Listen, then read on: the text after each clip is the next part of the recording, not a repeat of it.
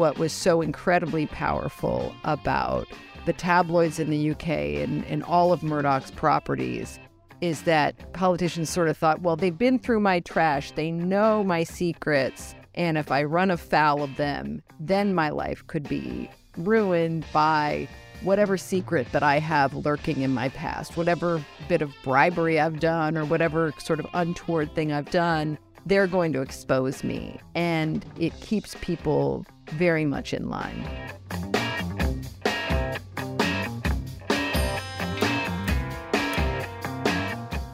ברוכים הבאים למרקרים, פודקאסט סוף השבוע של דה מרקר. ההזדמנות שלכם לקחת פסק זמן ממחזור החדשות היומיומי ולצלול איתנו לאירועים, לאנשים ובעיקר לרעיונות מאחורי החדשות. כאן באולפן איתכם גיא רולניק, והמגיש האורח שלי היום, תומר אביטל. שמענו בפתיח את שרה אליסון, תחקירנית מהוושינגטון פוסט, ואחת מהכוכבות של סדרת הטלוויזיה, המרדוקים. שלום, תומר. מה המצב? בסדר, תומר, מה אתה עושה כאן? למה אתה מתכוון? יש הרבה תשובות. אני אגיד לך בדיוק למה אני מתכוון. כן. Uh, אני אדליף למאזינים, אני מקווה שזה בסדר איתך, שרעייתך, אשת חיקך הנצחית, אמורה לכרוע ללדת תוך uh, שעות או ימים, ואתה אמור להיות בהיקון. איך הגעת שעות. לאולפן? זהו, מינוס, אנחנו כבר עברנו את היום, uh, את הדיו דייט. שמע, הזמנת אותי, היא מתה עליך, נתנה לי אור ירוק, ואני פה בדקת קריאה עם הטלפון. איכילוב לא רחוק מהמערכת. בסדר, צריך לוודא שיש פה קליטה באולפן. טוב, uh, תומר, בוא תספר למאזינים uh, עליך. אני, לה, אני מתכוון לאלה מהמאזינים שלא הצביעו לך בפריימריז האחרונים של מפלגת העבודה. זהו, אני, אני יותר עיתונאי מפוליטיקאי, זה היה אפיזודה ש... אני לא יודע אם תחזור על זה, היה אפיזודה קצרה. אני מגיל 21 הייתי כתב בכלי תקשורת המסורתיים, אה, בידיעות אחרונות, בעובדה, בקשת, והחלטתי לפני, לא יודע, כבר כמה, ש... שש שנים ללכת לדרך עצמאית. אז היה כזה מהלך אחרון של לעזאזל, נמאס לי מלעבוד תחת אה, טייקונים שאומרים במה להתעסק, במה לא, אני אנסה משהו חדש. ביקשתי מהציבור דרך אדסטארט כסף לעשות עיתונות עצמאית. לא תלויה, לעקוב אחרי ח"כים לא שקופים, לפתור את הבעיות בדמוקרטיה באמצעות עיתונות עצמאית אה, נשכנית.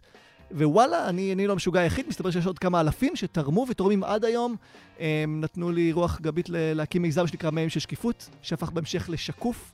אותו הקמתי עם אה, ניר בן צבי ועידן בנימין, ושהיום כבר מתרחב, ואולי ראית, אנחנו, אנחנו אני, אני כבר לא שמע, מתאחדים עכשיו עם, אה, אחרי האיחוד עם העין השביעית, מתאחדים עכשיו עם המקום הכי חם בגנום. אז אה, אני פשוט ניסיתי לקדם שינוי בדרך שבו מסקרים את השלטון, וגם שינוי בתקשורת, להראות שאפשר מודל אחר, מודל שבו לא מסתמך על קליקים ועל אה, מפרסמים, אלא מודל שמביא לציבור את מה שחשוב. לא מה שיביא רייטינג, מה שהם צריכים לדעת, ולנסות לתקן את מה שדורש תיקון. כן, אז החבר'ה של אה, שקוף והעין השביעית והמקום הכי חם היו כאן באולפן הזה, בפודקאסט הזה, בשנתיים האחרונות. שלושת גופי התקשורת העצמאיים האלה התמזגו לפני חודש, עכשיו נמצאים בקמפיין גיוס המונים גדול, וכמו שהמאזינים של הפודקאסט הזה יודעים, אה, אני מאוד מאמין בעיתונות עצמאית שממומנת על ידי הציבור הרחב, אז אם עדיין לא תרמתם והצטרפתם, תעשו גוגל, תחפשו על זה ותראו שהם עושים אה, עבודה מדהימה. אבל ו... אני חושב שתסכים איתי שבימים האלה, שאתה רואה מה קורה בכנסת, שאיזה חוקי... שמה מעניין את הנבחרים שלנו, הכי הכי חשוב זה לחזק את הגופים שמסקרים את, את השלטון בצורה... אה, עצמאית. ואחד הדברים היוצאי דופן שהעיתונות העצמאית עושה, ורוב העיתונות לא עושה, זה לסקר את הבוסים של העיתונים הגדולים ושל הערוצים הגדולים. אף העיתונאים לא רוצים לגעת בזה, כי בישראל יש חמישה טייקונים ששולטים בכל העיתונות, וזה בעצם הסיבה שאני הזמנתי אותך אה, היום לפודקאסט הזה, בגלל שנושא הפודקאסט אה, אה, שלנו הוא עיתונות. ואנחנו אה, נראיין היום עיתונאית אה, אה, חוקרת, אה, הרבה מאוד שנים, ותיקה מאוד, בכירה מאוד, אה, שפועלת בארצות אה, הברית. שהיא אחד הכוכבים של uh, סדרת uh, טלוויזיה מדהימה, uh, שעלתה לפני uh, כמה שבועות uh, ב-CNN וב-HBO, CNN ו-HBO שייכים לאותה חברה, והיא עוסקת בהאיש שהכינוי שלו בעולם הוא The Man Who Owns the News. זה המו"ל, הבעלים של ערוצי התקשורת והעיתונים הכי חזק בעולם. הכוונה היא כמובן לרופרט מרדוק. לסדרה קוראים המרדוקס. וחשבתי לעצמי, אוקיי, אז מי יהיה המראיין האורח? ואמרתי, האיש המתאים לזה הוא תומר אביטל, בגלל שתומר מאוד מתעניין בשאלה של תפקוד העיתונות, ואיך העיתונות הרבה פעמים משתפת פעולה עם הגורמים הכי שליליים בחברה נגד הציבור. וחוץ מזה, תומר, חודשים, ובשנים האחרונות אני רואה אצלך בכתיבה שלך, ובעיקר בציוצים שלך אה, בטוויטר, שהכוח העצום שיש לברוני התקשורת הישראלים אה, מטריד אותך. אתה בעברך עבדת אצל נוני מוזס לפני הרבה שנים, וכתבת וביקרת אותו בצורה חריפה, את סוג העיתונות שלו, אבל בשנים האחרונות אתה גם מבקר את אה, קשת, את ערוץ התקשורת, ערוץ הטלוויזיה מספר אחת בישראל. אז השאלה שלי אליך, לפני שנפנה למרואיינת שלנו, הוא, מיהו רופרט מרדוק הישראלי? וואו, יש כמה, אני חושב, נכון? אה, פעם זה הנוני מוזס, הביג פוט של התקשורת הישראלית, שאף אחד לא... אף, עד היום מעטים האנשים שישבו איתו, אה, בייחוד בשנים האחרונות, ויודעים איך הוא בעצם אה, מנהל מאחורי הקלעים ומושך בחוטים. יש לך את משפחת ורטיים בקשת 12, שמעטים, מעטים בציבור, עזוב, מכירים אותם, יודעים שהם במקביל לבעלים של קוקה קולה. תאגיד מהגדולים בעולם שגורם למחלות, שגורם, אתה יודע, לא מעט ישראלים חולים בסכרת יותר מחצי מיליון, שזה מחלה שנגרמת בעקבות שתייה מתוקה, ובין היתר הם לא מחזיקים רק בקוקה קולה, הם מחזיקים בטרה, בנביעות, בפריגת ועוד. שכחת את בנק המזרחי. ובנקים גם, זה עוולה אחרת, וערוץ 13, שהוא מוחזק על ידי אילן בלווטניק, שמחזיק במקביל את איזה מפעל, גיא? נשר. נשר, מפעל הפרטי המזהם ביותר בישראל, ומשפחת שטראוס, שגם מייצרת אינסוף מוצרים אה, עתירי סוכר ומלח. ואני רוצה להגיד לך משהו, אמרת שאני אה, מבקר את התקשורת, אתה יודע, עד לפני שנה-שנתיים. בעיקר ביקרתי את, את הסיקור שלה, את איך היא מסקרת דברים, מה היא מעוותת ולמה. עכשיו אני מבין, אני, אני חושב שעליתי עוד קומה מאז של מה הם לא מסקרים, מה הם דואגים שלא יהיה בדיון הציבורי, ופה זה מתחבר לי לנושא הבריאותי, שהתחיל ממש לעניין אותי אמ, סביב הדיונים של מס סוכר, זוכר את המס שעוד רגע יבטלו? בהחלט. אז זה מטורף, כי אתה מתחיל להבין שלתקשורת, לברוני התקשורת, כמו שאתה קורא להם, אין שום אינטרס בישראל שנדבר על מה שהורג אותנו. יש מסמך מאוד מעניין שאני ממליץ לכולם לקרוא, מסמך שנקרא סיבות מוות מובילות בישראל. מסמך של, של משרד הבריאות, הוא יוצא כל שנה, רואה שם שחור על גבי לבן נתונים, את, את הטבלה של מה הדברים שהורגים את הישראלים הכי הרבה. כמו שאתה יכול לדמיין, טרור ותאונות דרכים זה בקצה התחתון. כל העשירייה, כמעט כל העשירייה העליונה זה מחלות לב, זה מחלות שאפשר למנוע, זה מחלות כמו סוכרת, שנוצרת מאותם מוצרים שאנחנו צורכים, המוצרים שמייצרים בעלי ערוצי התקשורת, שקובעים על מה אנחנו מדברים ועל מה אנחנו לא מדברים. צירוף מקרים, אני לא יודע. אז ממש, אה, תכף נסביר קצת יותר למאזינים שלא מכירים מספיק את פוקס ניוז ואת הסוג העיתונות שעושה רופרט מרדוק בכל העולם. אז פוקס עדיין לא, אין קיים בישראל, אין ערוץ כזה שהוא ממש כאילו פרופגנדה ימנית וכוחנית כזאת כמו שיש ב... אה, בפוקס, אבל אה, בשנים האחרונות משהו כן קורה בערוצי הטלוויזיה המרכזיים, וגם יש לנו ערוץ חדש שהופיע לפני כמה שנים, אז בוא תסביר. ערוץ 14, שייך למשפחת מירי לשווילי. אגב, אתה יודע שהם מחזיקים אותו, אתה יודע איך הם מחזיקים אותו? דרך חברה רשומה במקלט מס, באיי הבתולה. סתם פרט מעניין. כן, אגב, נתניהו שינה להם את החוק, כי בעבר, לפי חוק הרשות השנייה, אסור היה למשקיעים זרים להחזיק כן. שליטה בערוצים כן. אה, ישראלים, וזה שונה לפני שלוש שנים עבור מירילשווילי ובלווטניק. ערוץ שמתגאה בתוכנית הפטריוטים. אוקיי, ערוץ שמוחזק במקלט מס ובבעלות זרה. אז שמע, הערוץ הזה הוא, לדעתי לגמרי הולך להיות פוקס ניוז, הצפייה בו הולכת וגדלה. אני רואה במעגלים שלי אנשים צורכים את החדשות שלהם משם. אני רואה שהקונספירציות מתחילות שם, אנשים פתאום שואלים אותי, תגיד, אתה יודע אם, אני לא רוצה לחזור על זה, אני לא רוצה להפיץ את זה, אתה יודע שליברמן עשה ככה וככה, דברים שהם הזויים לגמרי, אה, זה, זה מחוללי קונספירציות. ויש לך שם אנשים כמו אראל סגל, שיושבים ו- ומלעיטים את הצופים בקונספירציות שאפילו לא, לא ישראליות. ראיתי עכשיו בפייסבוק אותו מדבר על הנטר ביידן, אבל כמה שזה... כן, הנטר ביידן זה איזה פרשייה שמאוד מעסיקה את הימין האמריקאית. אגב, חלק מהסיפור הוא נכון, אבל הסיפור הוא לא סיפור מרכזי. הימין האמריקאי בטירוף סביב זה, בטוויטר אתה רואה את זה, ואיכשהו אה, הימין הישראלי הביביסטי אימץ אותו, כאילו שזה הוכחה ל... לכל הטעויות של, האנטי, של אלה שמתנגדים לנתניהו. בדיוק, וזה גם סוג של תירי ציפור, במובן של, יש לנו לא מעט בעיות אמיתיות במדינה, אז אתה נגיד, הזכרתי את הסוכרת, רק השבוע גיליתי שאנחנו מקום, סליחה שאני חוזר על זה, אנחנו מקום, צריך לדבר על זה, מקום ראשון, ראשון ב-OECD בכריתות גפיים בעקבות המחלה. מקום ראשון, גיא, איך זה, זה לא היה בשום כלי תקשורת עד אתמול. אחרי שצייצתי את זה, גם כלכליסט פרסמו את זה. אז נגיד, ערוץ 14, הם לא מדברים על, על דברים שליטרלי הורגים אותנו, הם מדברים על הנטר ביידן, אה, מונולוגים אינסופיים, על הטרללת הליברלית וכל הדברים האלה, וזה אותם שיטות בדיוק כמו של פוקס ניוז. כן. אוקיי, אז בואו נפנה עכשיו למרואיינת אה, שלנו, אה, קצת אה, הסבר. אז שרה אליסון היא עיתונאית ותיקה בוושינגטון אה, פוסט, לפני זה היא הייתה בוונטי פייר, ולפני זה היא הייתה בוול סטריט ג'ורנל, שהיה שייך ל... רופרט מרדוק, והיא מופיעה כמובן בסדרת הטלוויזיה המרדוקים, אני מאוד ממליץ, היא עדיין לא עלתה ב-HBO בישראל, מי שיש לו גישה ל-HBO בחו"ל, אני ממליץ להסתכל, אם לא, ברגע שזה יגיע לישראל, זו סדרה מדהימה.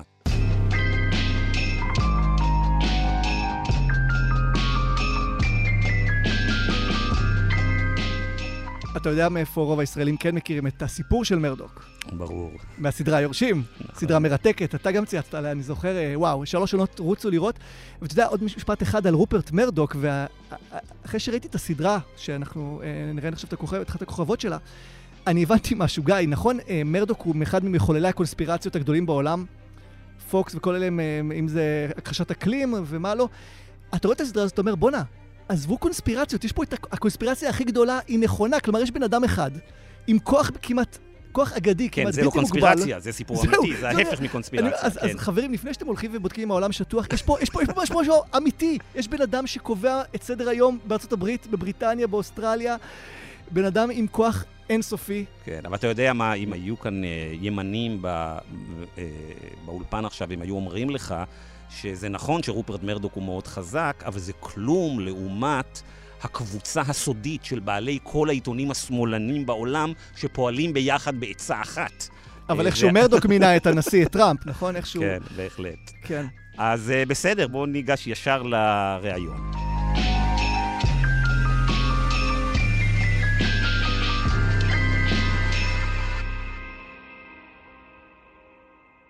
So, uh, Sarah Ellison is a writer at the Washington Post. Uh, she covers media and uh, politics. Sarah, thank you very much for joining us uh, this morning from New York. I'm so happy to be here. Thank you for having me. So, uh, Sarah, before we start, many of our listeners did not see yet uh, the Murdoch series on CNN or HBO. in this series, you are one of the star investigative journalists. So, by way of introduction, please tell us about your career. How did you become a Murdoch expert? And if you can, please share with us the highs and the lows of reporting on the most powerful media mogul in the world. Well, I started covering Rupert Murdoch by accident. I was a young reporter at the Wall Street Journal in 2007, and Rupert Murdoch made a bid for the Wall Street Journal. He made an unsolicited takeover offer for the paper, and I was covering the publishing industry. And so I sort of had to cover the story. And then I ended up writing a book about that transaction. And when I wrote that book, I thought, oh, well, I've written a whole book on Rupert Murdoch. Now I don't have to cover him anymore. Ha ha that was in uh, you know 2009 or 2010 and i've been doing it ever since partly because murdoch becomes more relevant with every passing year and we always think he's at the end of his career and this is you know there's one more capstone and then he's going to be done. Um, but he continues. Highs and lows. Murdoch's lows are the highs for the journalists who cover him. So phone hacking was a scandal in Britain that was absolutely um, a fascinating and terrifying experience because you saw exactly how some of these levers are pulled. And I think we'll talk about this more, but I have been blocked from covering certain things by the company.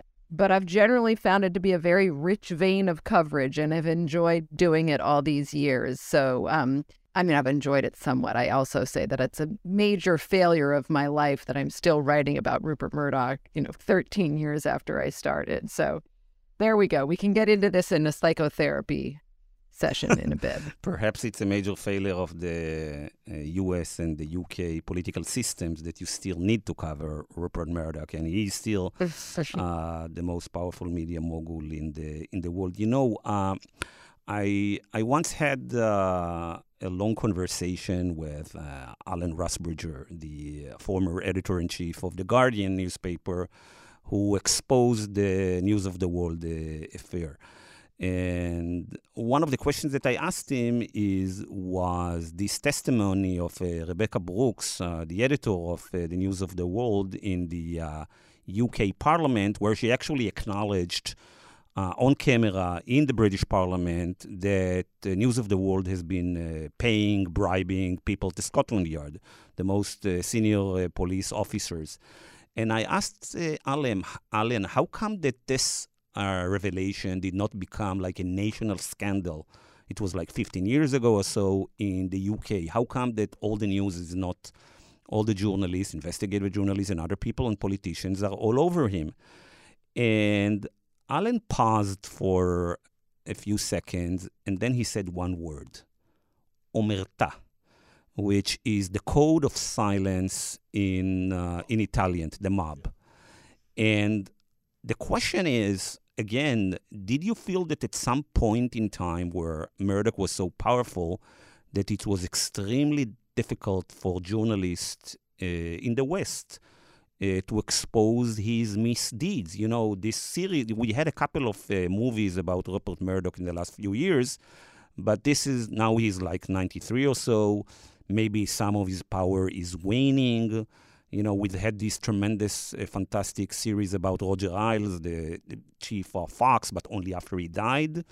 Was there element of fear from Rupert and his uh, close people? Certainly there's a sense, or there was a sense, particularly when Roger Ailes was alive, that Roger would go after the journalists who wrote critically about Fox News.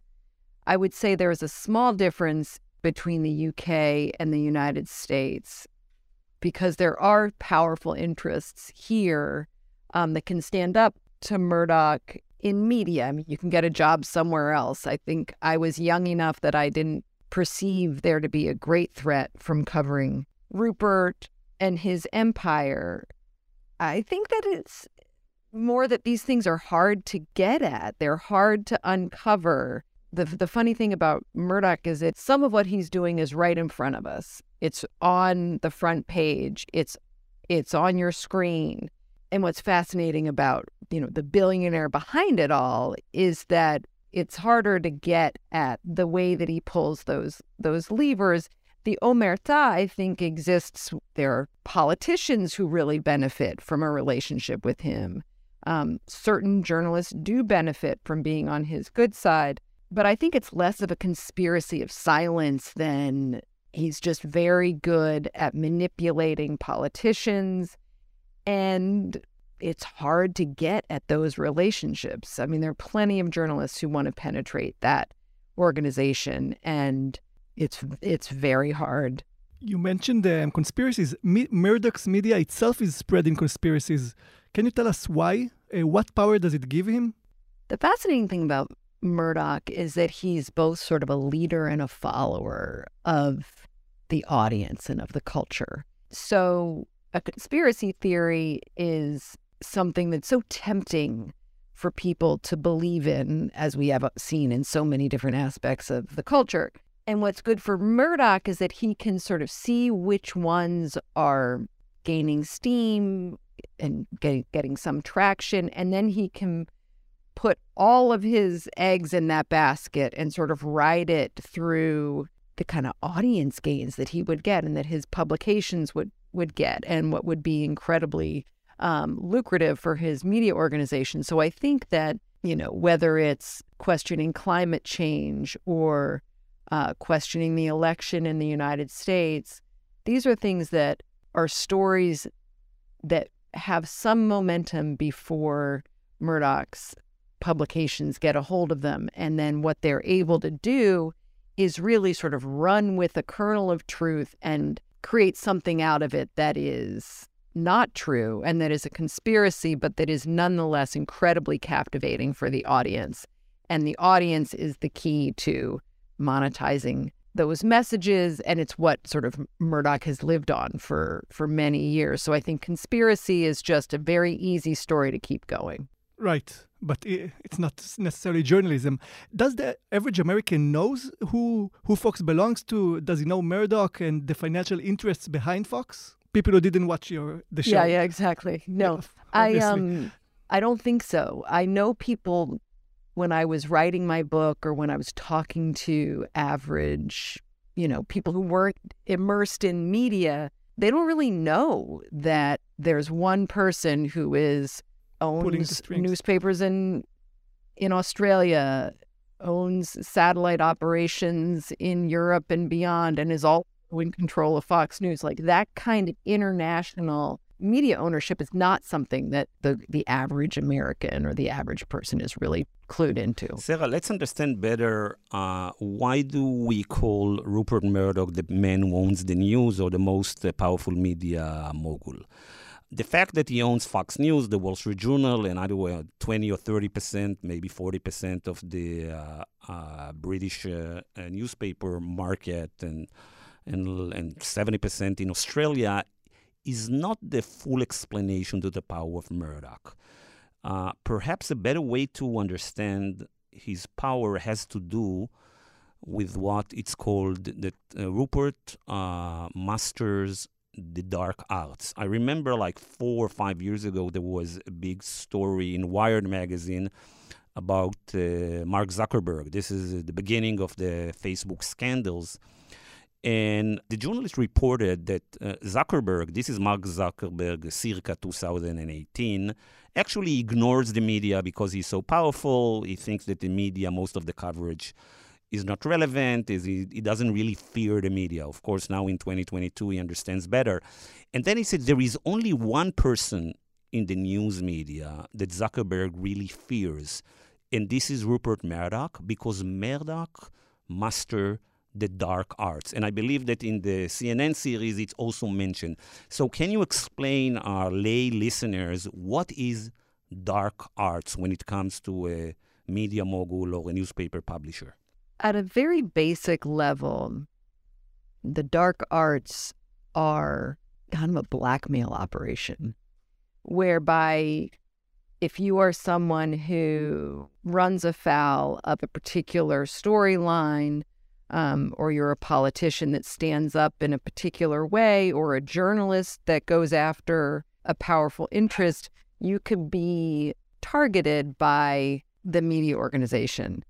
Um, and in this case, we're talking about Rupert Murdoch, but it also exists in at the Daily Mail and other tabloids in the UK. What that means is that you can have stories written about you in those tabloids or in in any of his outlets that are embarrassing to you. There's also the threat of doing that that is incredibly chilling for politicians.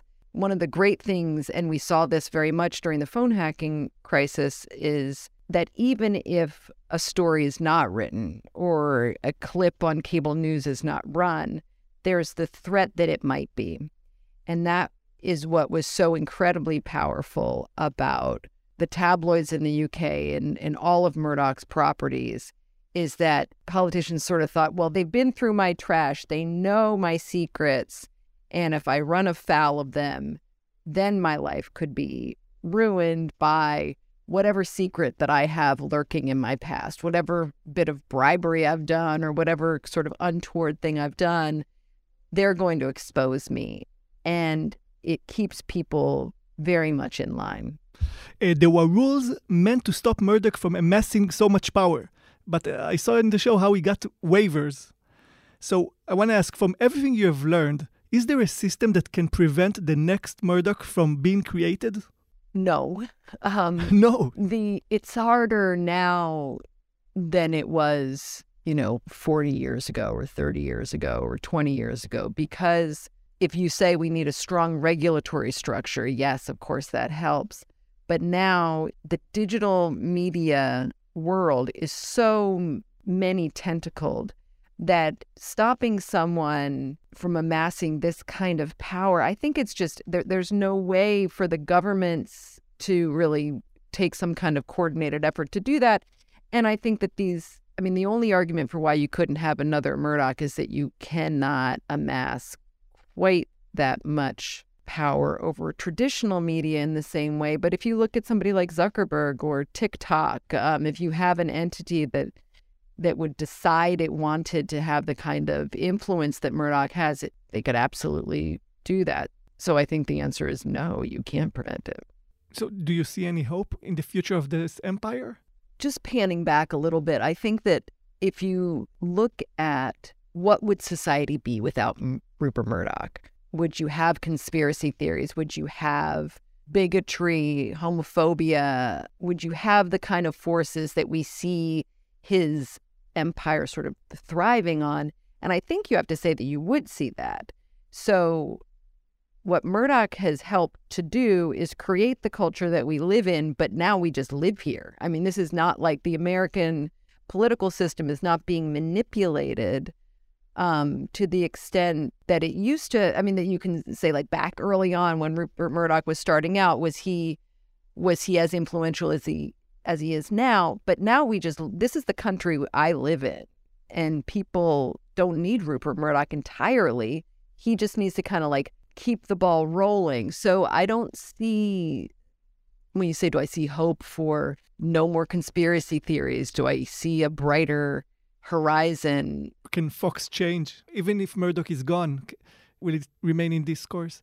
Well, this is a big question because as you know, he is in his 90s and the question is what happens when Rupert Murdoch is gone? What do his children do? And there's some speculation that Jake wants to change Fox News and make it more moderate, but it's a cash cow. It makes so much money for that corporation and if you changed it, I think it's very easy to argue that it would lose the same kind of audience. And so I don't see any kind of desire to do that um, on, behalf of anybody who actually is going to benefit from that, uh, benefit in the bottom line of that of that cable operation. Yeah, the only question is if it's Lachlan, and it seems right now that it is Lachlan who is uh, more like uh, his father. Uh, if it's Lachlan, the only question he, probably want to continue this trajectory, and the only question is he, he, will he be as effective as his uh, as he's dead. So, but let's take Sarah a few steps uh, back and explain our listeners. How important is the role of Rupert Murdoch in influencing the uh, uh, political agenda, the public discourse, the values and the norms uh, in the US and maybe also in the UK. I mean, there's not a single person in media that is more influential. And Rupert Murdoch has the ear of countless politicians in both the US and the UK. It's been so public, the influence he had on Trump, but he's meeting, even now, he's meeting with uh, senators and congressmen, and they go to him for advice in terms of what will work. What is it that is um, our best message going forward? And so he's lost some of his power. You know, Roger Ailes was a real kingmaker, and Roger Ailes, obviously, for your listeners, you know, ran Fox News for many, many years before he died. But Rupert is um, unquestionably still someone that politicians call for advice, and he readily dispenses that advice. So he's very much still influential um, in both the UK and the US. I mean, he threw all of his power behind Brexit and was absolutely influential in that being a successful movement. So, given the toxicity of uh, News Corp, I mean, you know, denying the election results in 2020, uh, denial of climate change, uh, steering racism, stuff that uh, Tucker Carlson would do every other week, bigotry, polarization, uh, using media as a political tool to advance uh, business uh, interests. How do you explain, uh, let's call it the complicity of hundreds of quality journalists that uh, work in his uh, empire? would you go back to work for uh, Murdoch at this point in your life if you got a good offer? It's not really an option for me, I think, at this point.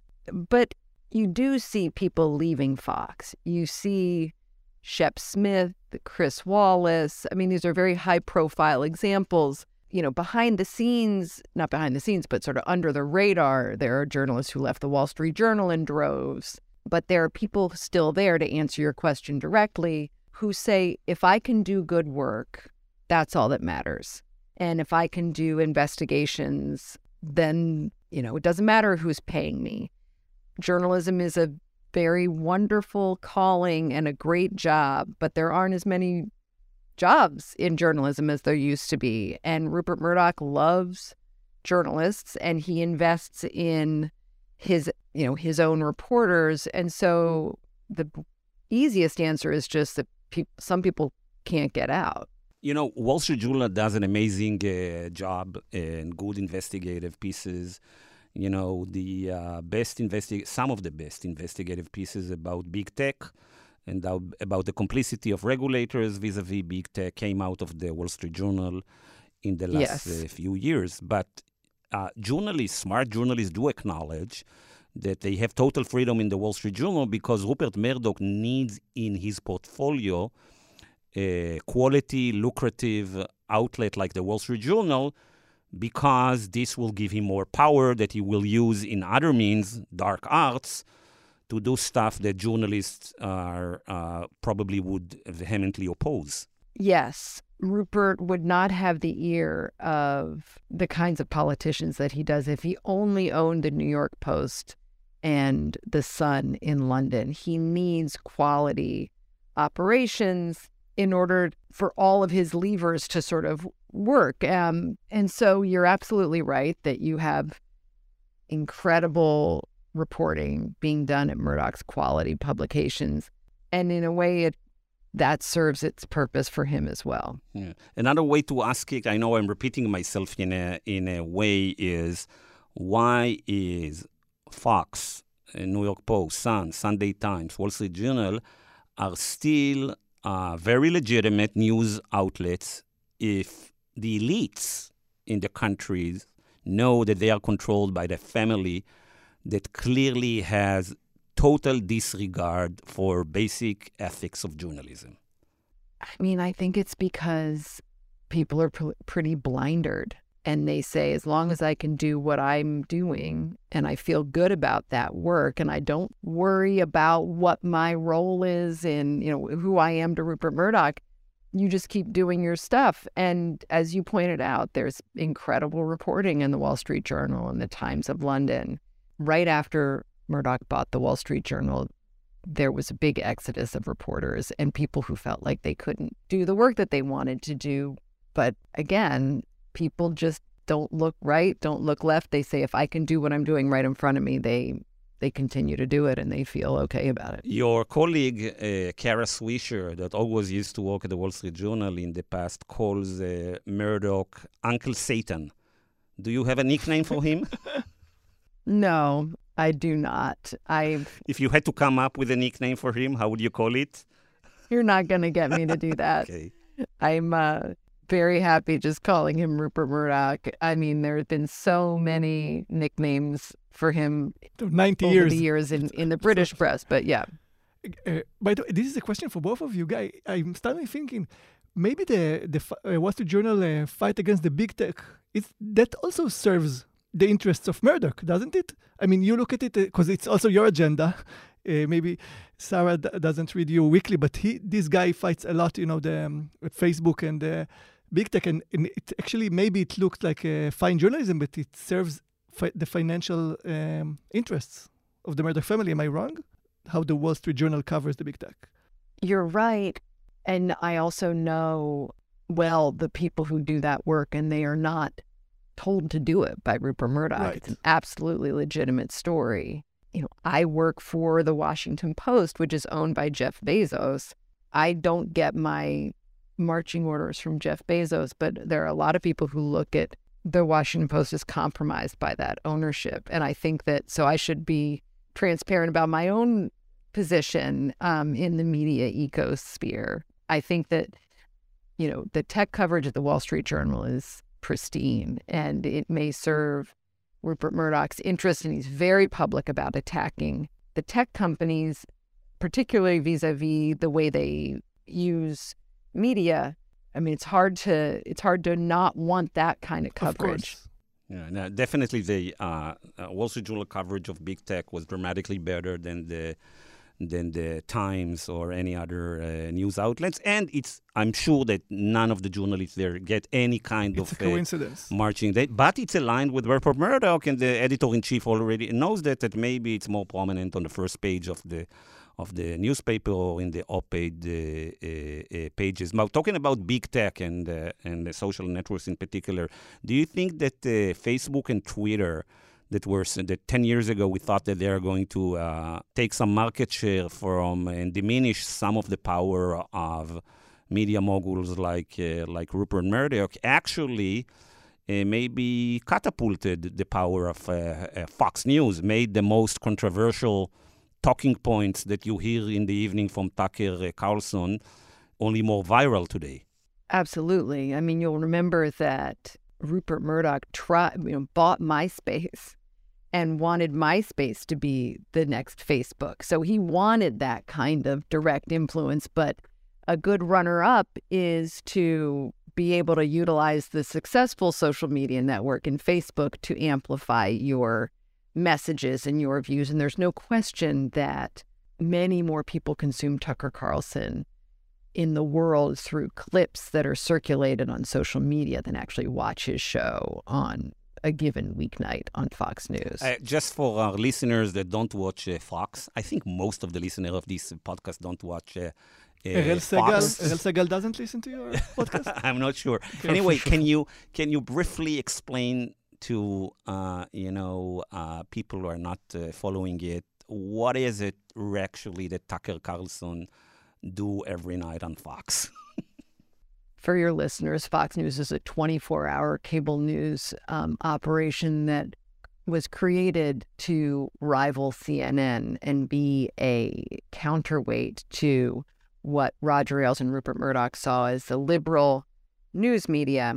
And at night, Fox has always platformed um, a variety of different opinion hosts. Tucker Carlson is one who has become the most watched and the most powerful. And what Tucker Carlson does is brilliant from the perspective of what he's trying to achieve, which is that he selects stories and chooses, he sort of unearths stories that other people in media are not paying attention to that highlight a certain worldview that he's able to promote that the United States is being taken over by immigrants at the behest of the Democratic Party in order to manipulate the political system and advance the interests of the Democratic Party. He promotes great replacement theory, which is an idea that um, white people are being replaced by brown and black people and immigrants that are not somebody that you want in the country. Um, and that's the biggest message that he promotes day in and day out on his show. He has a few other big theories that he likes to promote, but he is largely, you know, that's his big one these days. And it's also a general mistrust of the government and that the elites are screwing you. And he has become as powerful as any host that we have seen. And he is someone that, you know, when you talk about politicians and wanting to court people in the media, you know, Republican politicians look to Tucker for their messaging. Yeah, and um, you spoke before uh, about how the reality today in the United States is kind of broken. I don't know if that's the word, uh, but it's it's not that it's not everything is perfect. And you mean reality? The oh, political yes. reality, like, like, the sense of what's true. Yeah, and yeah. you know, there's a saying, uh, American saying, every billionaire is a policy failure. You probably know that. So I, I was wondering, after yes. watching your show, in your opinion, is a billionaire media tycoon worse? I mean, is it a failure that risks the democratic system itself? There's no question that a media billionaire has a level of influence, an immediate level of influence that a billionaire in finance or a billionaire in some other field doesn't have. Because that person in media is controlling our sense of the truth or our sense of right and wrong. So if you are looking for that kind of multi level influence, it's better to be a rich media person than it is to be someone who made your fortune in you know toilet paper or toothpaste or something like that. Yeah. So this would uh, this is a segue to the last uh, uh, question. Uh, is Elon Musk the next Rupert Murdoch? or maybe even more powerful because his net worth is north of $150 billion. I mean, this is where you have to give Rupert credit because I'm not good at predictions, but sitting where I sit and seeing what Elon has already done at Twitter, you know, he's stepping down as CEO. Of course, that doesn't mean that he's not going to have influence. But Rupert's really good at this. I don't think Elon really has it. And Elon is about to fail. Yeah. Uh, Tomer wanted to ask you last questions about another TV show. Have you seen uh, Succession? In Hebrew, it's Hayorshim. It's very popular, actually, in Israel. Most people know Hayorshim, the TV series, and not Rupert Murdoch itself. I wondered, how do you see, do you watch the show? I've consumed every minute of Succession. and what do you think of it? Love it. It's incredibly satisfying to watch, and you know that has done more than anything it takes a fictional show for most people to understand the kind of influence that a person like Rupert Murdoch has. But I love Succession, and my favorite part of it is the insults. the insult, and I must say, it's kind of um, comforting to see that you know, with all their money and power, there are still this family that hates each other. Broken and, family. Yeah, exactly, yeah. and they suffer, uh, I guess, more than most of us. The thing that has always been captivating about Rupert as a subject is that he does have this relationship with his children and this very fatherly desire for his family to be a family business. And his children want his approval, but he tortures them, but he supports them. I mean, so as as someone who does find family dynamics fascinating, you know, Rupert is both an incredibly potent political force, but also a complete psychodrama in terms of the way he operates inside his family. So now for the really last question, Israeli related. I'm not sure that you are aware that uh, Bibi Netanyahu, who is our next uh, prime minister and has been our prime minister for the past uh, 500 years or so, uh, Bibi Netanyahu's dream is to get Rupert to come to Israel and control uh, one of the main uh, news channels. He wrote him a letter, right? He wrote him a letter, really, yeah. wow, and it like, failed. Uh, yeah. Rupert decided that he doesn't want to come to uh, uh, to Israel. Had Rupert came to Israel, what should have we expected to happen here? What do you think happens to a country that you have Rupert Murdoch all of a sudden a major player in the news media? I mean, you guys seem to be doing okay on your own without Rupert Murdoch descending into all thank kinds you, thank of. you for. Um, we'll take it as a compliment. Right, yeah. okay. But I think that you would find it to be entirely destabilizing because the beauty of what Rupert does is he takes things that exist in the in the nether regions of gossip and social media and he absolutely draws them to the top of society. So that's what you could expect. All right.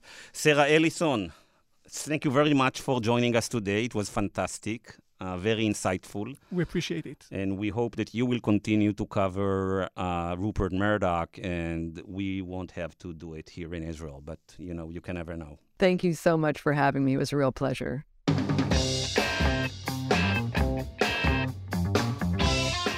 אוקיי, עד כאן המרקרים להשבוע. בטרם ניפרד ונודה לכולם, תומר, מילה אחת סיכום עם הרעיון עם סרה אליסון, מה למדת? וואו, קצת, אני מרגיש, איך אומרים? הופלס בעברית? חסר אני... תקווה. לא, המציאות שבורה, אני בטוח שאפשר לתקן אותה. עיתונות עצמית שהזכרת מקודם זה לגמרי אחד הפתרונות. ועוד מילה אחת, לחזור לפתיח, זוכר שדיברתי על קוקה קולה וקשת, אנשים צריכים לדעת ש...